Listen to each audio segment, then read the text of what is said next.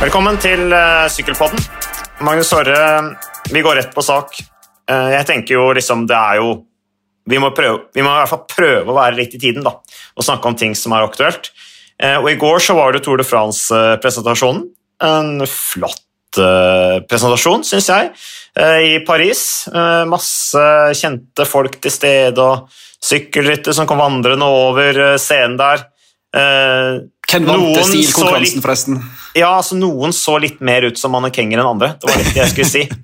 Hva Terningkast?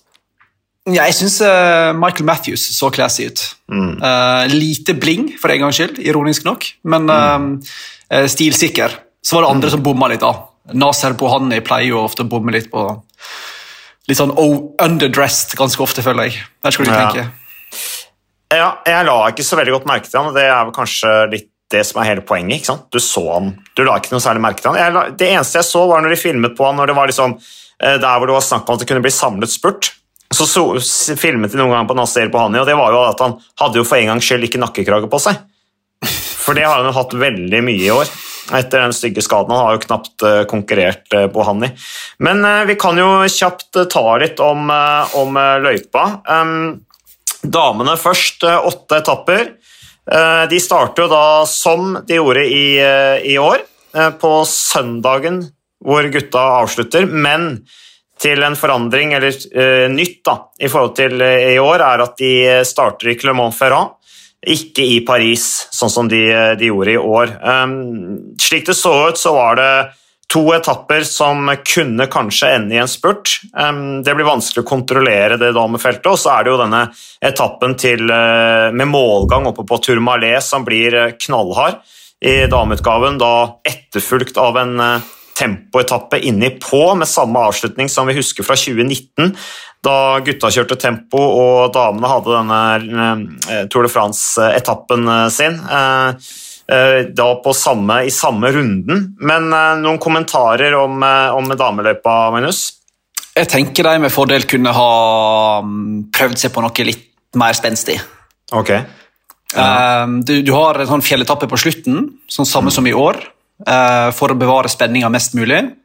Selvfølgelig med tanke på at van Fløyten vil jo Det vil ikke bli spennende hvis du legger en fjelletappe tidlig. Så det kan jeg for så vidt skjønne. Da vil jo hun få tre minutter, og så er rittet ferdig. sant? Mm. Men um, jeg syns rittet er veldig likt det vi hadde i år, bortsett fra at du får med en tempo som jeg er ikke sikker på er det mest eh, fornuftige når det gjelder um, Tour de France og damesykling. Der tror jeg forskjellene blir ganske store mellom de beste og nest beste. Så jeg skulle ønske jeg hadde brukt de første seks dagene på litt mer variasjon. Mm. Jeg følte også et par av rytterne som uttalte seg, var litt sånn ja, ja, det er jo bra du har Tourmalet, iallfall. Og så hadde noen mm. syntes tempoet var fint. Men um, jeg følte stemninga var litt sånn lunken der. Ja. Uh, men jeg er enig i at åtte dager er fint. Jeg vet Noen har lyst til å ha tre uker og to uker, men um, mm. uh, nivået er helt åpenbart ikke klar for det, mener jeg. Så åtte dager syns jeg er passelig. Men jeg skulle ønske det var litt mer variasjon første seks etappene. Mm. Sykkelsport, altså damesykling, er jo på en måte Det er jo i oppbygging. Det er jo det. Uh, sånn at det er i en på en måte sånn fase nå hvor det krever litt progresjon, så jeg tror du har rett i det der at det ikke helt er klart for tre uker ennå. Uh, men at man kanskje kan øke gradvis uh, med en dag litt utover nå når det blir satt seg mer med flere lag. Eh, det blir eh, mer forankra i de allerede etablerte World Tour-lagene, som, som, allerede har herrelag, f.eks. At de har dette damelaget også. Og, eh, og at man, man, får bygget videre på den, den, utviklingen som er nå. Men jeg tenker jo at det er, det er en ganske morsom løype fordi at de starter nede i Clermont-Ferrat og Massif Sentral, hvor det er, hvor det er ganske småkupert, og det er ganske vanskelig å kontrollere. Um, og, og, dette her at eh, Det spørs hvor mange sånne knallharde fjelletapper eh, de skal ha. Uh, om, det er, om, det er, noe vits å ha noe, noe mer enn den, den, ene. Det kan godt tenkes at de kanskje skulle lagt inn en til, men de skal jo også over Col d'Aspin på denne etappen, så det blir jo en, en, en, en tappe som kommer til å skille bra, sånn som de også gjør i, i herreklassen for øvrig. Men nei, vi får se. Det er i hvert fall, var jo en positiv giv der, og det Tour de France 5 av X-Swift i år var jo veldig bra.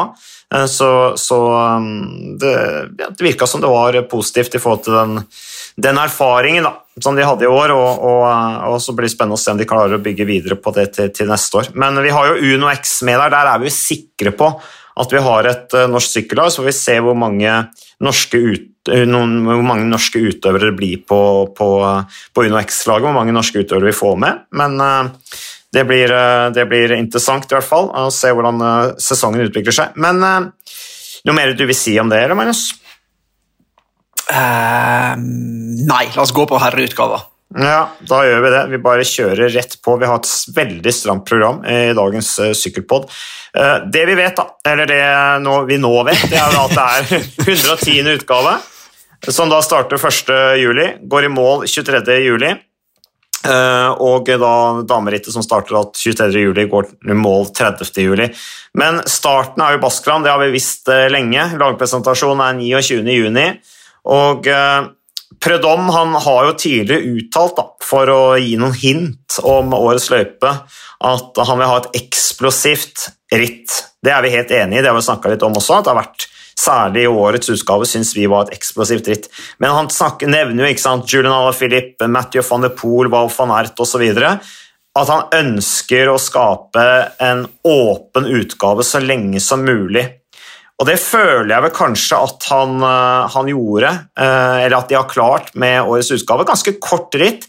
Det er 30 040 km gjennom eh, to land, Spania og Frankrike, eller Baskeland og, og Frankrike. Seks regioner, 23 departementer. Det er fem fjellkjeder i Frankrike. Pyreneene, Massif Sentral, Vogesene, Alpene og Jurafjellene i den, i den rekkefølgen også, eh, vel. Også, nei, Jura før Vogesene, forresten. Og så er det jo fem fjelltoppavslutninger da, i fire ulike fjellmassiv. Og så er det 30 kategoriserte stigninger da, i kategorien 2, 1 og høykategori, altså de tre høyeste kategoriene, som faktisk er rekord i antall stigninger med, med det, på, den vanskelighetsgraden. Col de la Lås eh, er med igjen. Det er vel da andre gang det blir andre gang de er over Col de la Lås. Første gang var i 2020 med Miguel Ángel Lopez som vant. Det er da Souvenir Henri de Grange, altså eh, denne prisen som da gis til eh, rytter som passerer den høyeste toppen i, i utgaven. Over 2300 meter er Kolda Lås del av denne finaleuken som blir knalltøff. Og så er det, det er ved åtte fjelletapper, ca. åtte flate etapper. Eh, det er fire kuperte etapper og én tempo. Det er jo rekordlite tempo, faktisk. Eh, det er bare 22 km tempo, som er det nest minste antall tempokilometer siden tempo ble introdusert i 1934. Det var bare i 2015 var mindre individuelle tempokilometer. Da var det bare 13,8 km utrest som ble vunnet av Rowan Dennis. Men det samme året så var det jo lagtempo da, som gjorde at det eh, dermed var på en måte to-to tempoetapper. Så eh, ja, hva skal vi si, Magnus? Er det noe mer du vil legge til der? Ja, egentlig ganske masse. Det er det? ja. Du mener at, jeg, at det ikke var utfyllende nå? Jo, at vi ikke bare kan stoppe podkastene her og nå? liksom? Jeg føler vi må sette det i en større kontekst. Ja, jeg, jeg jeg for... Gi meg det store bildet, Magnus. Kom igjen, nå. Jeg syns for en gangs skyld at det var en interessant lagpresentasjon. Jeg syns det er ganske mm. kjedelig ofte med mange lange taler fra ordførere i forskjellige departement. Mm. Um, og så er det òg kanskje banne litt i kirka, men jeg syns det er ganske snork om du har Pyreneene først eller Alpene først, eller en tempo på etappe fire eller etappe fem. skjønner du hva jeg mm. mener? Eller om du sykler Tourmalet eller Otakam. altså who cares? Men i år syns jeg det er spennende, fordi jeg syns jo når du har så få tempokilometer, én etappe, mm. ganske kort, veldig kupert Det er jo nesten ikke en tempo det er enkeltstart, men det er jo ganske masse opp og ned der, altså. Ja, ja. Krevende tempo. Ja, skal blant annet opp den bakken som Bernardino vant VM i i 1980. Da man si. Stemmer. Mm. Og, og da føler jeg, Når da Prudhomme i etterkant av presentasjonen sier at um, alle vet, både jeg og du, sa vel til journalist, at det er gøyere når folk sykler ved siden av hverandre istedenfor å sykle én og én, så skal vi ha mye mindre tempo. Og Det føler jeg kan være et litt skifte.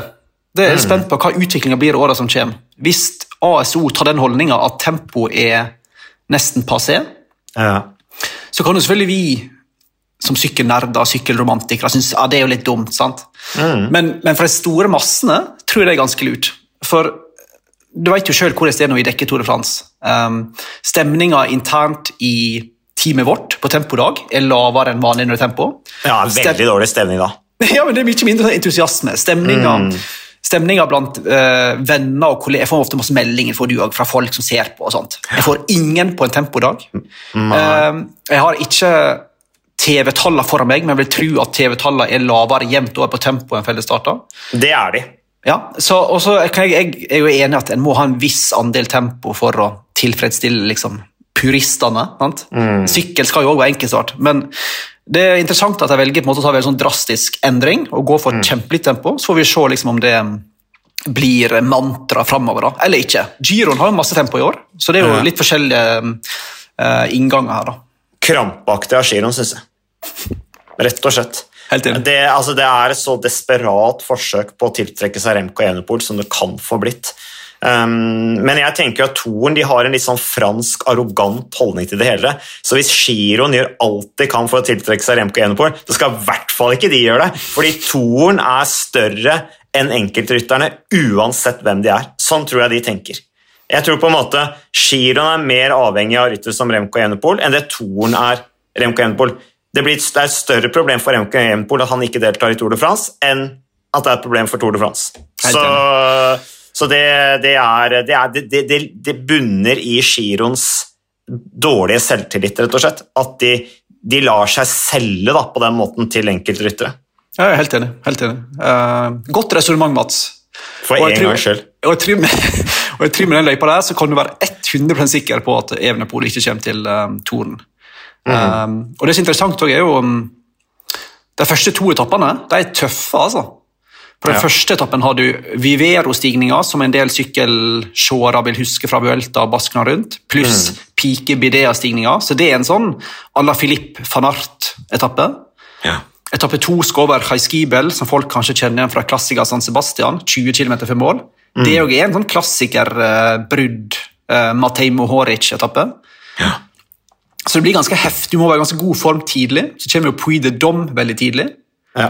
Puy de Dom, som er liksom, det er kanskje et av de mest sånn myteomspunne fjellene i sykkelhistoria pga. duellen mellom Anketil og Polidori i 64. Nei, var, ja, var det ikke Skal vi se Jo, det er, det er, 59, ja, det er 59 ja. år siden ikke sant? til mm. neste år. Så man spekulerte da i forkant på at det ikke ville være målgang opp de nettopp fordi at de ville spare den til, til uh, det ordentlige jubileet. da 60-årsjubileet, så det er 59 år da, mm. til neste år. Det var da Polidor tok 42 sekunder på, på Ankutil eh, og manglet da de siste 14 sekundene ikke sant, til å ta over den gule trøya fra rytteren som har vunnet fem ganger, og, og Polidor som alltid ble nummer to. Så det, ja, det, er, det er jo ikoniske bilder. Absolutt. Det er Bilder av de sykler skulder mot skulder er jo et av de mest kjente vi har i sykkelsporten. Det har ikke blitt mm. brukt i, i min levetid. Det var vel 88 år sist. Ja. Men det er jo det er bare å glede seg til den stigninga. Altså. En ting er at den er tøff, men den er òg utrolig sånn pen. For den går rundt en vul vulkan, nesten, sant? altså opp, opp, langs fjellet. En veldig sånn pen mm. stigning. Kommer på etappe seks, husker jeg ja, riktig? da? Nei, nei, den kom på etappe ni. Ni, unnskyld. Nummer seks var korta rett. Ja. Mm. Så, så, det blir en kul stigning. Så det er bra de får med litt sånne um, nesten utdødde klassiske stigninger. Det tror jeg blir et høydepunkt. Det, blir, det er jo også kjent for Puy de Dôme på en måte da Eddie Merckx var på en måte ferdig. Det var siste året han kjørte Tour de France, eh, og han var allerede liksom på vei ned. Eh, nederlagene liksom var Begynte å se han i hvitøyet, for å si det sånn. Eh, han var helt klar på hell av karrieren, og så fikk han i tillegg et slag av en tilskuer opp Puy de som gjorde vel at han brakk ribbein.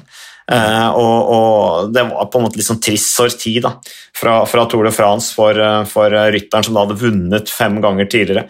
Ellers har jo etappevinner av Puy de Dôme er f.eks. Fausto Coppi, Bamontes, Luis Ocana, Lucien Fran Impa og Jopp Sotemelk. Så det, det, sier jo noe om at det er en tøff stigning. Noe jeg stussa på når jeg så på denne prestasjonen, var jo jeg følte det var såpass etablert i sykkelmiljøet at det skulle være en lagtempo i og rundt Tarb der, altså ganske tidlig i rittet. Men det, mm. det ble det ingenting av. Nei. Jeg vet, det, jeg vet, ikke om det bare var surr, eller om det noen har ombestemt seg i siste liten, eller, mm. eller, hva det var. Men jeg er egentlig glad vi slipper den lagtempoen, egentlig, for helt ærlig. Ja, for allerede dagen før så var det veldig sånn troverdige mediekilder, ikke sant, cyclingnews.com og sånn, som skrev om ja, det blir lagtempo da på etappe seks fra Tarb. eh, til Gambask, Chotaré eller Chotaré Gambask. Men det blir det altså ikke. Eh, så den etappen så skal de da inn i eh, Årdalen, eh, Aurdalen, og så skal de da opp disse historiske fjellene som har vært på Toren. I 70 ganger, vel, omtrent. Koldaspæ, Tormalé skal de over. Og Tormalé blir jo da også et av de høyeste punktene i Tour de France, selvfølgelig. Så det, og så skal de da avslutte med en 16 km stigning da, over dette her Cotaré i Cambask, da, hvor siste halvdelen er særlig tøft. Det var der Miguel Indra faktisk vant sin første Tour de France-etappe i 1989 etter et 100 km langt solobrudd. Så der får vi helt sikkert noen historiske tilbakeblikk på Miguel Indra. Verdt å merke seg at det er veldig sånn komprimert Tour de France i år. Mm. En, er jo helt, en dropper jo hele nord- og nordvest-biten. Holder seg veldig masse nede i Alpene og liksom i, i sør sør-øst, blir vel det, da, av Frankrike. Mm. Um, og så er det jo påfallende at en bruker jo da uh, Tour de France for damer sin finale i år opp til Markstein som en slags forsøkskanin, og så bruker en nesten samme etappen på herreutgava ett år seinere. Mm. Um, men nei, jeg tror det blir kult. Jeg. Mindre kjøring for oss som skal dekke det rittet. Det er jo alltid ja. deilig, for nå blir det masse rundt og rundt nede i Sørøst-Frankrike. der. Jeg vurderer å sykle nå, du... mellom etappene. det hadde vært en bra, gip, bra Hva heter det? Gippo? Gippo? Ja. ja. Jeg er helt enig. Altså, ja. Det kunne vært kjempekult om jeg gjorde det. Ja. Så, så, kan vi ikke satse på det, da. Så slipper liksom påske å høre på det gnålet ditt i bilen hver dag. Altså, det, ja, Eller irritere seg at jeg ja. ligger og sover i baksetet. Så slipper jeg å høre på den russemusikken til Christian Påske i, i, bilen. Altså.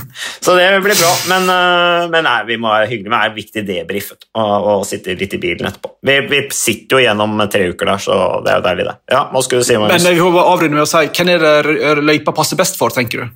Hva slags Tour de France er dette her lagd for?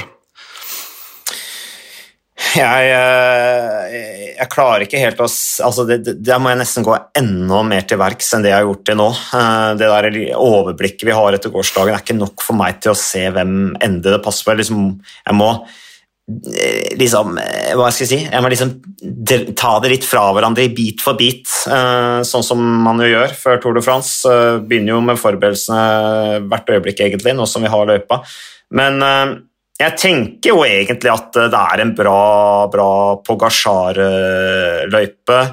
Eh, men da er det jo også automatisk en bra Vingegård-løype. Eh, spørsmålet er om det faktisk Jeg tror det passer Vingegård ganske bra i og med at den siste uka er så tøff.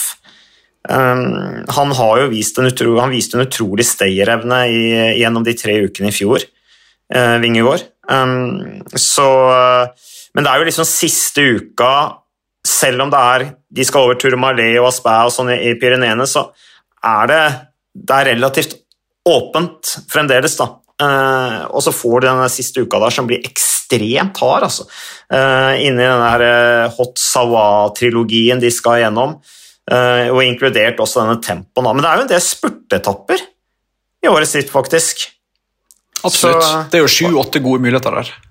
Og da, sånn, da, får jeg spørsmål. Jeg ble oppringt av noen eh, journalister i går liksom, hva jeg mente om, eh, om løypa. Og så liksom, ja, eh, det er jo bra med alle spurtetappene, for vi har jo nordmenn som er gode til å spurte, men har vi egentlig det til neste år? Hvor mange spurtere har Norge med i Tour de France i 2023? Nei, det er vel helt avhengig av Uno X med, da, men det er jo sannsynligvis ingen. da. Hvis Nei? vi legger til grunn at BHB får uh, Hotels får styr på laget sitt og, og stille med lag, så uh, det er en stund siden Edvald var en stor spurter. Ja, vi kan jo ikke si at han er det. ikke sant? Så, så, det er jo egentlig Vi har en ny generasjon nå på vei opp. Uh, Odd Christian Eiking, Andreas Leknessund, uh, den type ryttere, mer sånn brudderyttere. Vi vil ha mer type bruddetapper. Uh, og, og, og, selvfølgelig, Vi har ikke analysert disse fjelletappene godt nok til å se om det egentlig er sammenlagt etapper, eller om det er mer etapper som går an å kontrollere for sammenlagtlagene, så de vil ikke gjøre et stort utslag, og dermed en, mulighet, en større mulighet for, for utbryterne. Eh, men, eh, men, eh, ja, det blir litt spennende å se hvor mange nordmenn vi faktisk får til start i Tour de France neste år. Absolutt. Tenker jeg jo, Når du lager en løype der, så eliminerer du jo Rog, du eliminerer ikke Roglic, men han kommer ikke til å vinne den løypa der. Geraint Thomas, Evenepool, det blir nok sikkert Giro på alle sammen. Men Bo, Bora Hanskro jeg tror jeg er happy. ass. Jai Hindley, Aleksandr Vlasov i den løypa der. Der har du um, Jai Hindley på pallen i Tour de France 2023. Det er mitt um, Ja, eller hva med en eh, russisk seier sammenlagt i Paris på podiet der? Hva, er vel, hva ville vel vært bedre for internasjonal sykkelsport og Tour de France enn at Alexander Vlasov vinner Tour de France neste år? Da står ikke For Russland? Å, herregud. Se for deg det. Ja. Uh, nei, men uh, Bore Hanskroe Vi snakket jo en del om de før årets ritt også, men det ble liksom ikke det helt store. Men på papiret så har de jo et fantastisk lag. Uh, Jai Hindley, hvis han velger å satse Tour de France, eh, så, så skal det bli veldig interessant å se. Men eh, Det, det, er jo det sånn, må han vel med den løypa der, tror jeg. ja, I både Giron og Toren så må vel han få lov til å få sin debut i Tour de France. Ja, Så får vi jo se da om han er en type rytter som klarer å være i form i juli, eller om han er liksom, det ligger i hans natur å være i form på våren. Sånn som en del ryttere har, da, sånn syndrom, at det er da de er i form. liksom. Ja, Så det blir spennende, men uh, da er det ikke noe sånn veldig mye mer å si om. Vi skal ikke gå altfor mye i detalj på denne etappen der. Du nevnte den Belfort Markstein-etappen som blir en uh, spennende Det er jo sånn at da dagen, altså nest siste dagen, uh, etappe 20 et, eh, 133 km med 3500 meter klatring. Så det blir, eh, det blir saker. Um, ellers er det jo kort ritt. da. Altså Bare drøye 3000 km. Tenk deg i gamle dager, da, når de sykla 5500 km på 14 dager. Altså Det blir jo bare softere og softere. Og den korteste etappen i årets Tour de France den er vel 207 km. 200, nei, den lengste etappen i Tour de France, årets- neste års Tour de France er 208 km. Eller 207 km. Og det er altså rekord for den, altså den, den rekordkorteste, lengste etappen i Tour de France-historien. Dessertgenerasjon. Ja, Men det, det, Hva er er så dette for noe? det er så deilig òg. La oss være ærlige. Disse Mm. lange 270 km-etappene som vi får i andre veka ofte. Uff, ja det er blytungt. Ja. Det er det. det er Det det. er det. Ellers så ser jeg noen reagere på at det er to lette etapper i siste uka der, ikke sant? litt sånn klemt mellom fjell. Tenker at det gjør ingenting. Altså, jeg tror det vil være et sultent felt som eh, med vanlig, med mange lag som ikke har vunnet etapper, og som går på eh, det de kan for å, for å, for å sikre seg litt, eh, litt heder og ære. Men bra gjennomgang, Magnus. Det er helt sikkert masse annet vi burde sagt også, men vi får jo ikke med oss alt, selvfølgelig. Sånn er det. Sånn er det. Um, men vi har jo veldig mye andre nyheter. Vi, som sagt, vi har et veldig stramt program i denne episoden av Sykkelpodden. Uh, angående Tour de France, Irland ser de vil søke om uh, Tour de France-start i 2026 eller 2027, så da flytter eventuelt Tour de France seg uh, ut av et godt stykke ut av det europeiske kontinentet. Eh, eller altså fastlandet i hvert fall. Prisen skal på den Tour de France-starten skal da være på sånn 20-30 millioner eh, euro. Eh, Og Det var jo Tour de France-start i Irland i 1998, men den ble jo da veldig overskygget av Festina-skandalen. Det var jo da det på en måte sprakk da disse lagbilene, eller Festina-lagbilene skulle kjøre over, eh, eller ta ferja over til Den engelske kanal, så ble de stoppet på grensa, og så hadde de bilene fulle av EPO. Um, og det er faktisk et tema da, eh, i debatten om, om, om denne Tour de France-starten i Irland, om de skal bruke penger på det, om, og om sykkel da har blitt en renere idrett, om vi kan da stole på at det ikke vil skje en sånn eh, skandale igjen. Ellers så ble det jo arrangert i Italia rundt Irland i 2014. Eh, vi tenker vel at Irland skal søke, Magnus, gjør vi ikke det? Kan vi heller bruke pengene på etapperitt i Irland? Ja. Jo. Altså, Hva slags stjerne er det fra Irland som skal på start der, når Dan Martin og Nicholas Roach er ute, som skal liksom klare å inspirere en ny generasjon med Jeg jeg er veldig sånn, jeg har veldig, aldri vært så veldig sånn Jeg mistenker at på samme måte som det med å ha OL i land viser tilnærmet lik null effekt på, på, på idrettsutfoldelse i åra i etterkant, som det jo gjør beviselig, så mistenker jeg òg at disse eh, dyre mm, sykkelrittstartene i utlandet har litt samme effekt. Så jeg vet ikke helt hva Irland egentlig skal med Tour de France. Du får selvfølgelig vise fram landskapet ditt, da. Men hvis det er sykkel du har lyst til å bygge, Jeg mistenker at det er kun er turisme jeg tenker på her. og det er jo ikke Ja, ja, det er det jo. Det er jo det, og det. Men ja, hvis det er sykkel, så fins det andre måter å bruke pengene på. tenker jeg altså. Ja, men eh, de tenker jo ikke på, de tenker jo ikke på oppbyggingen av irsk eh, sykkelsport, Nei. selv om det vil jo ha en oppbyggende effekt å få Tour de France der. Selv om du nå tilbakeviser at det kan skje, så vil jeg jo tro at det gjør noe med interessen for, eh, for eh, sykkelsport i Irland. Eh, Kanskje ikke så bra å sammenligne med hva som har skjedd i Danmark. Vi kan vel ikke si annet enn at Tour de France-starten i Danmark var en suksess, i hvert fall sånn engasjementsmessig de dagene det var der. Økonomisk Absolutt. og sånn, hva det har blitt til etterpå, det vet jeg ikke, men det var det, Jeg oppfattet det i hvert fall som et utrolig flott engasjement. Eh, litt samlende også for, for, for nasjonen. Eh, og så ble det etterfulgt av en vanvittig suksess med Jonas Vingegård som vant sammenlagt. Så det spørs jo om Irland har en rytter som på en måte kan, kan kopiere det samme da, som det Jonas Vingegård og de danske rytterne gjør. Men de har, jo, de har jo en bra generasjon på gang i Irland også, sånn som eh, Archie Ryan, eksempel, Jumbo Visma-rytteren. Sånn, så de er jo ikke helt borte. Skal, må, må aldri glemme Ryan Mullen. Nei, Ryan Mullen. Med hockeysveisen, ja. Sam Ja. Bennett og Sam Bennett, ikke Han er minst. god rytter, da. Men uh, nei Det høres så dyrt ut i mine uh, norske, sparsommelige øyne. Men, ja, det eh, sier du som var nede i byen i går og kjøpte smoking. det stemmer. Ja, så du har da mista du all kred på dette her som går på å snakke om kostnadsbesparelser. Men Mista jo all kreditt på, på bankkortet mitt. Ja, ikke sant, ikke sant. Men en som, eh, et lag som ikke mister uh, kreditt på bankkortet sitt, det er Movistar. Eller Abarca Sports Organization, som eh, startet et samarbeid med Saudi-Arabia og det saudiske sykkelforbundet. Det er vel Kan vi si at de på en måte følger litt den vinden blåser, eller kanskje ikke? Magnus. Det er vel noe av det mest politisk ukorrekte eh, vi har innenfor sykkelnyheter i eh, denne uka, i hvert fall. Det er et godt poeng om de følger på en måte det politisk korrekte eller ukorrekte. fordi i Spania er jo det politisk korrekt. Det spanske fotballforbundet har jo hatt et veldig kritisert samarbeid med Saudi-Arabia siste åra. Sånn, spanske cupfinaler blir lagt i Saudi-Arabia. Det er jo tungt inne i Formel 1. eh, men det var en sånn nydelig pressemelding da, der det står liksom at nå inngår vi et samarbeid med Movistar, der Movistar skal bidra med Det var noe mm, eh, noen trenere og noen mekanikere som skal hjelpe til med noen greier, og så skal du få en del sånne her, eh, sykkelleirer og bla, bla, bla i Saudi-Arabia.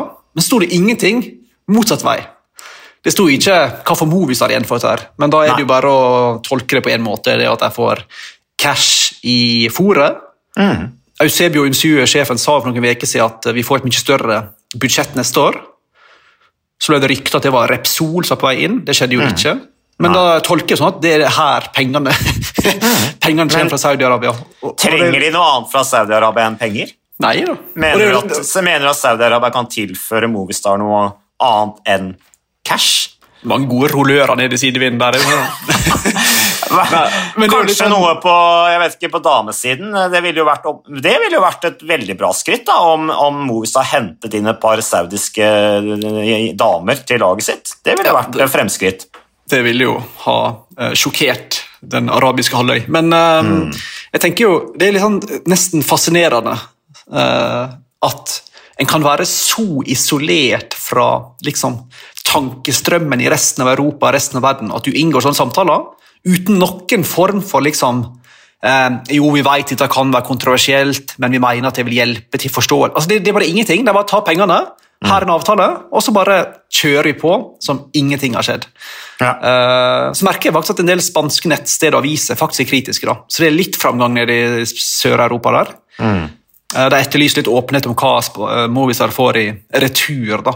Men eh, ja, det er vanskelig å tolke det som noe annet enn uh, masse penger. Ja, nei, det, det kan nok være. Eh, ellers så samarbeider jo også saudiske myndigheter med ASO, altså arrangøren av Tour de France, allerede med Saudi-Tour, som jo vi viser på TV 2.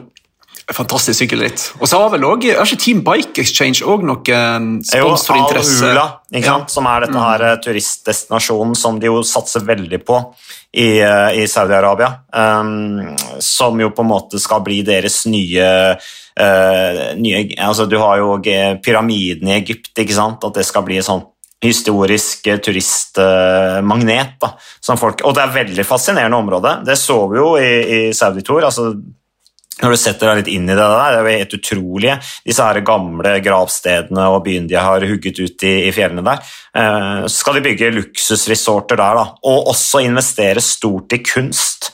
Dette her, Jeg så en dokumentar på NRK om dette her kunstverket til Pablo Picasso, som på en måte det glemte kunstverket. Den burde du se, for den sier faktisk en god del om investeringene Saudi-Arabia gjør da, for å Eh, bygge en tilleggsøkonomi for, i tillegg til eh, energi. Dette her at de kjøper ekstremt altså de, de mest eh, prestisjefylte kunstverkene og plasserer i museer i Saudi-Arabia for å tiltrekke seg turister. Så det er ganske interessant. Men, men, du, ja, men Security er jo en del av det her. At De skal på en mm. måte bruke security og vise fram særlig Al-Hula da, og disse her områdene som de ønsker å, fremme til internasjonale turismen. Men da har du Bike Exchange, Movistar, så har du selvfølgelig um, UAE, du har uh, Bahrain, og så mm. har du Shell. Apropos olje, så går det å sponse britiske forbundet. Så har du mm. Ineos, som driver med såkalt fracking. Mm. Så det er, en del, det er en del å ta tak i i, um, i sykkelsporten, for å si det mildt. For ja, de som syns sånt ja, er og så er det jo, ikke sant, en, en, ting er jo, en ting er jo regimer hvor de bryter menneskerettigheter. Uh, og, og, Jeg er helt med på dette her som går på, på, miljøvern og CO2 og dette her, men energiselskapene er jo også De vil jo også være gjennom en omstilling i fremtiden og være med og bidra til fornybar energi. Uh, sånn at, uh, sånn at, og, og, da kan jo på en måte sykkel være en, en metafor også. Det trenger ikke bare å være grønnvasking, det kan også være en, et, en, en på en måte et, en metafor da, på veien videre i forhold til mer bærekraftig energiutvikling osv. Det, det er bare en tanke fra min side, men i beste fall så kan det jo være det. Det kan være det. Jeg velger jo alltid å ta det mest pessimistiske synet mm. på det og tenke at det kun er grønnvasking, men uh, ja. ja. Men uh, vi trenger energiselskapene da, til å utvikle ny energi også de sitter på veldig mye av midlene som skal brukes til å investere. Så, men nå er ikke dette her en energipodkast, det er en sykkelpodkast. Eh, så vi går videre. Miguel Ángel Lopez han eh, skal visstnok ha prøvd å løsdrive seg fra kontrakten til Astana.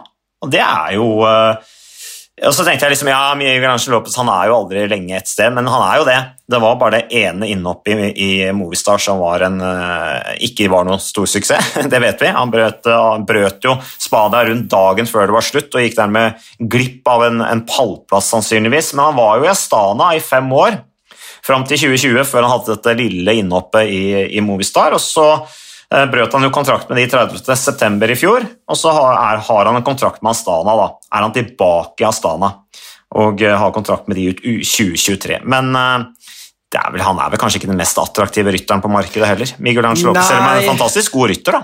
Altså, ja, absolutt, men det blir jo frama som om det er Miguel Angel Lopez som vil bryte kontrakten med Astana. Jeg, jeg mistenker, og har hørt, at det er motsatt. Mm.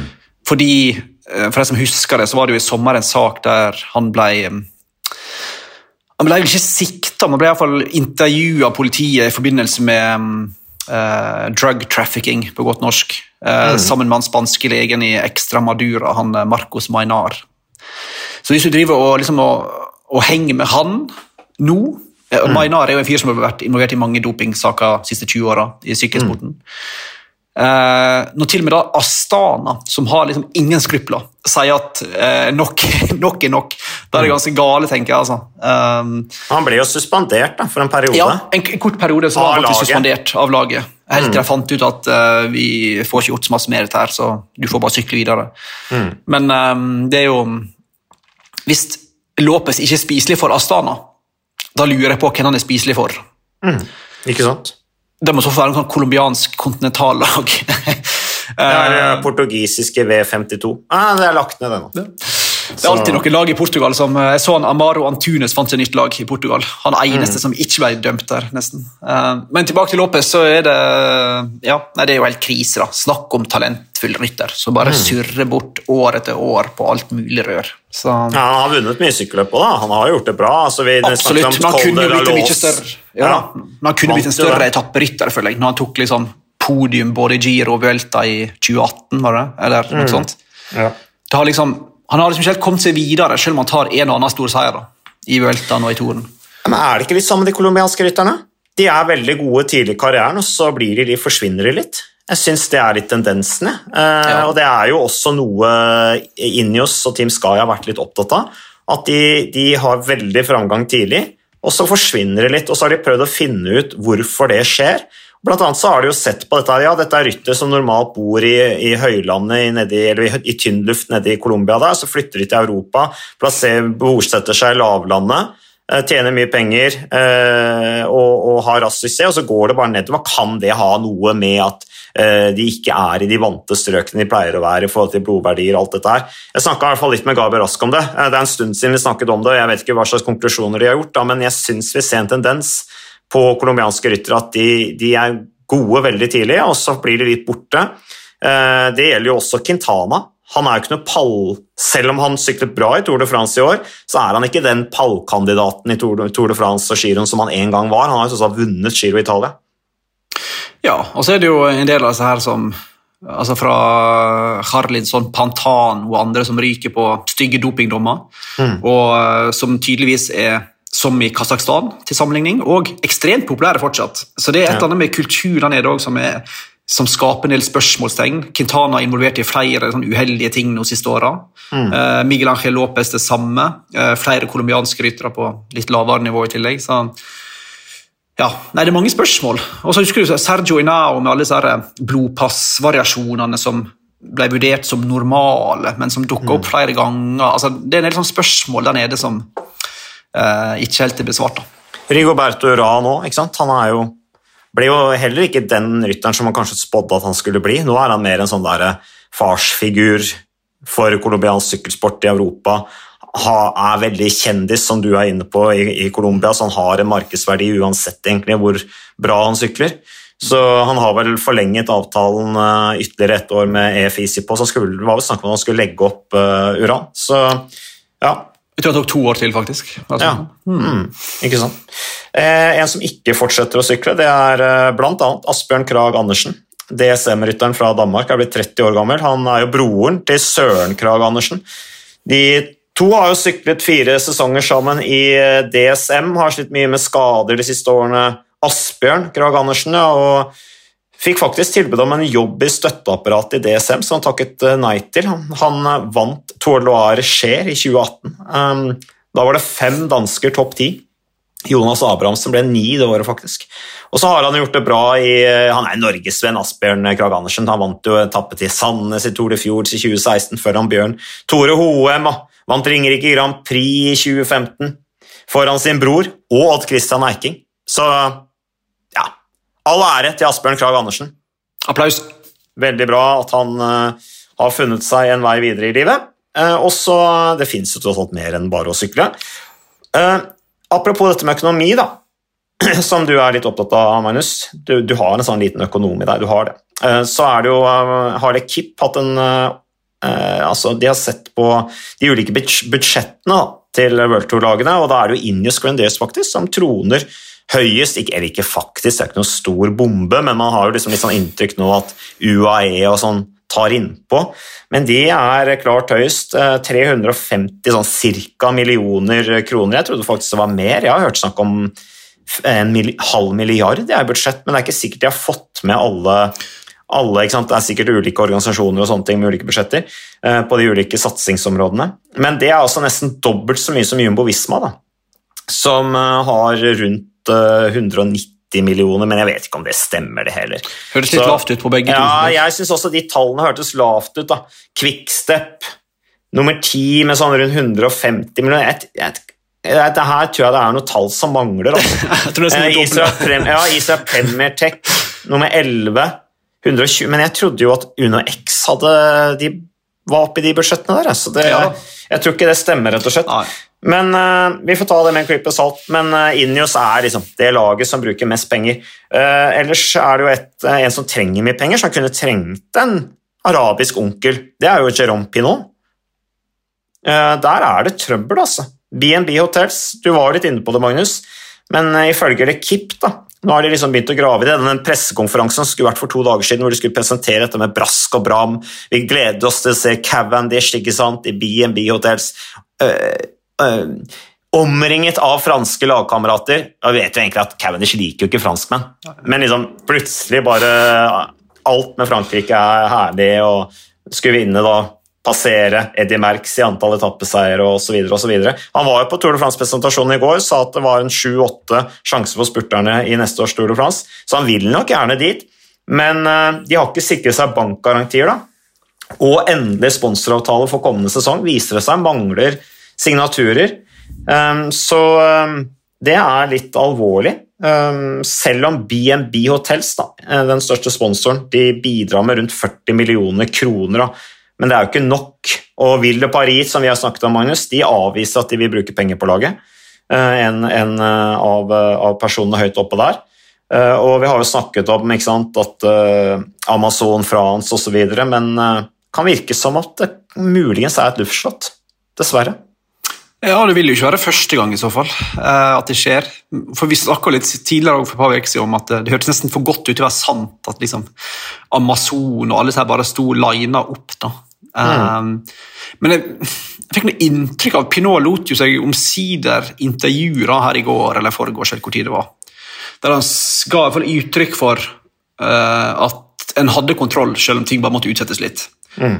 En hadde liksom fått muntlige bekreftelser, men uh, i sykkelsporten er jo muntlige avtaler ikke liksom Muntlige avtaler er ikke bare i sykkelsporten. Altså, Magnus. Muntlige avtaler ikke... er, Selv noen ganger er skriftlige avtaler bare verdt papiret. Det ja, det mener. Så muntlige avtaler er ikke nok. Da. Men jeg vil jo mm. tro, i og med at pålitelige folk vil ha det til at Case Bool, Sinkeldam, Cavendish, Richese mm. uh, etc.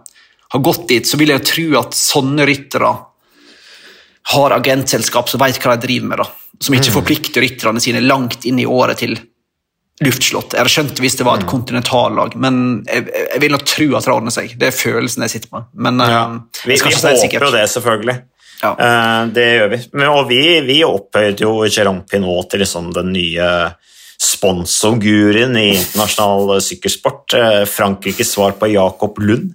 Så det, men eh, ja, vi får håpe at han lykkes. Eh, lykke til i hvert fall videre med, med innsatsen. Så håper vi at vi ser, snart får et lag på, på, beina, og da endelig en avklaring på hvor Cavendish skal også. Ja, og Det er jo veldig viktig for nordmenn å følge med på dette. da. For det har jo en direkte påvirkning på hva som skjer med UnoX. Mm. Hvis BHB skulle kollapse, da, mot formodning, da ja. er det jo lite som står i veien for at UnoX får deres plass i Tour de France. Ja, men jeg klarer liksom ikke å ha så mye skadefryd at jeg ønsker de å Nei, absolutt ikke, men det er veldig interessant både for uh, nerdene og for uh, bredere mm. sykkelpublikummet, det som skjer de neste ukene nede i, i, Frankrike. Ja, så altså, Rent sånn kynisk sett, da, så den enes død, den andres brød, kan vi trygt si. Uh, ellers uh, noe litt mer alvorlig. Hollandske Amy Peters, 31 år gammel, hun er endelig ute av koma Eh, og har gått sine første skritt da, etter den forferdelige ulykken hun hadde på trening i Spania i desember i fjor, hvor hun pådro seg store hodeskader. Så, men hun kan fremdeles ikke snakke, så det der var forferdelige greier. Um, tilbake til dette med lag. Gianni Savio, apropos lag som sliter. Um, Gianni Savio sitt lag Drone Hopper gir opp å søke pro-team, altså annendivisjonslisens, fra neste år grunnet eh, sponsorproblemene. Savio har drevet profflag i 26 år, bl.a. Egan Bernal har gått gjennom den organisasjonen der. Ehm, og Drone Hopper, da, sponsoren er et startup-selskap som skal drive med frakt av droner, ehm, men de har ikke betalt etter avtale, på tross av at de har en fireårsavtale, så det, det er ikke noe bra.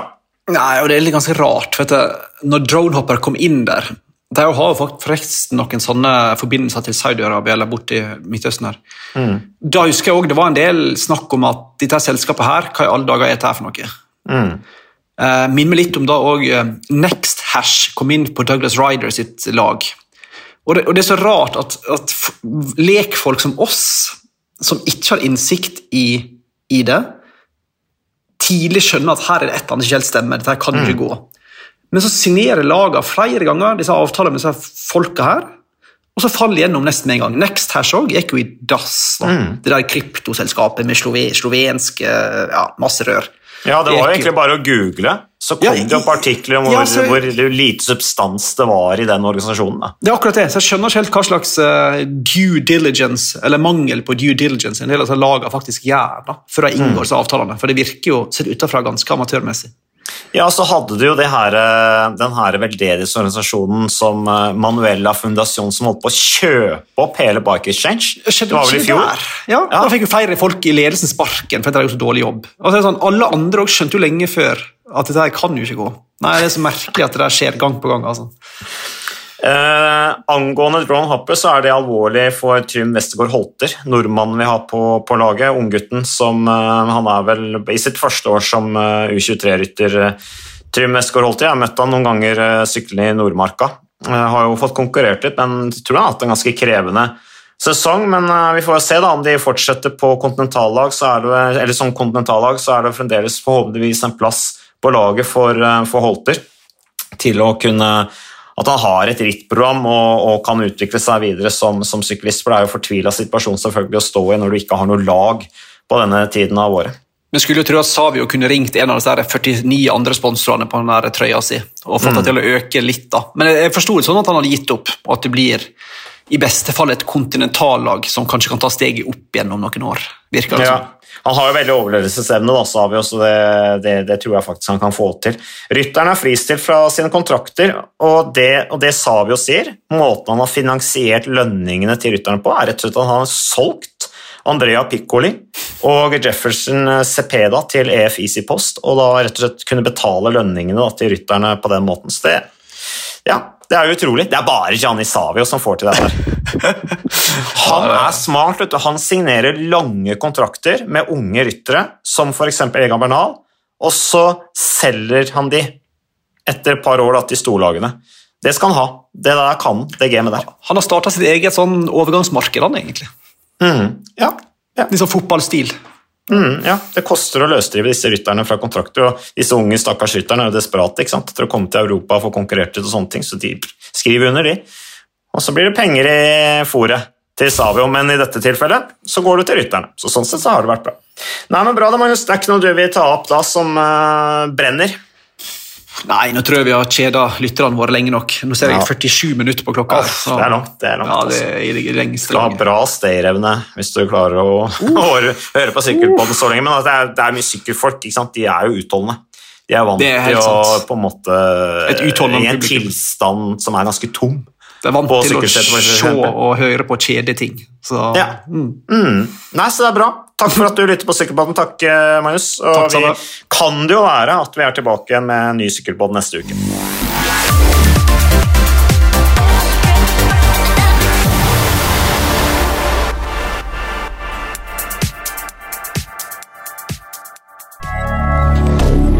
Moderne media.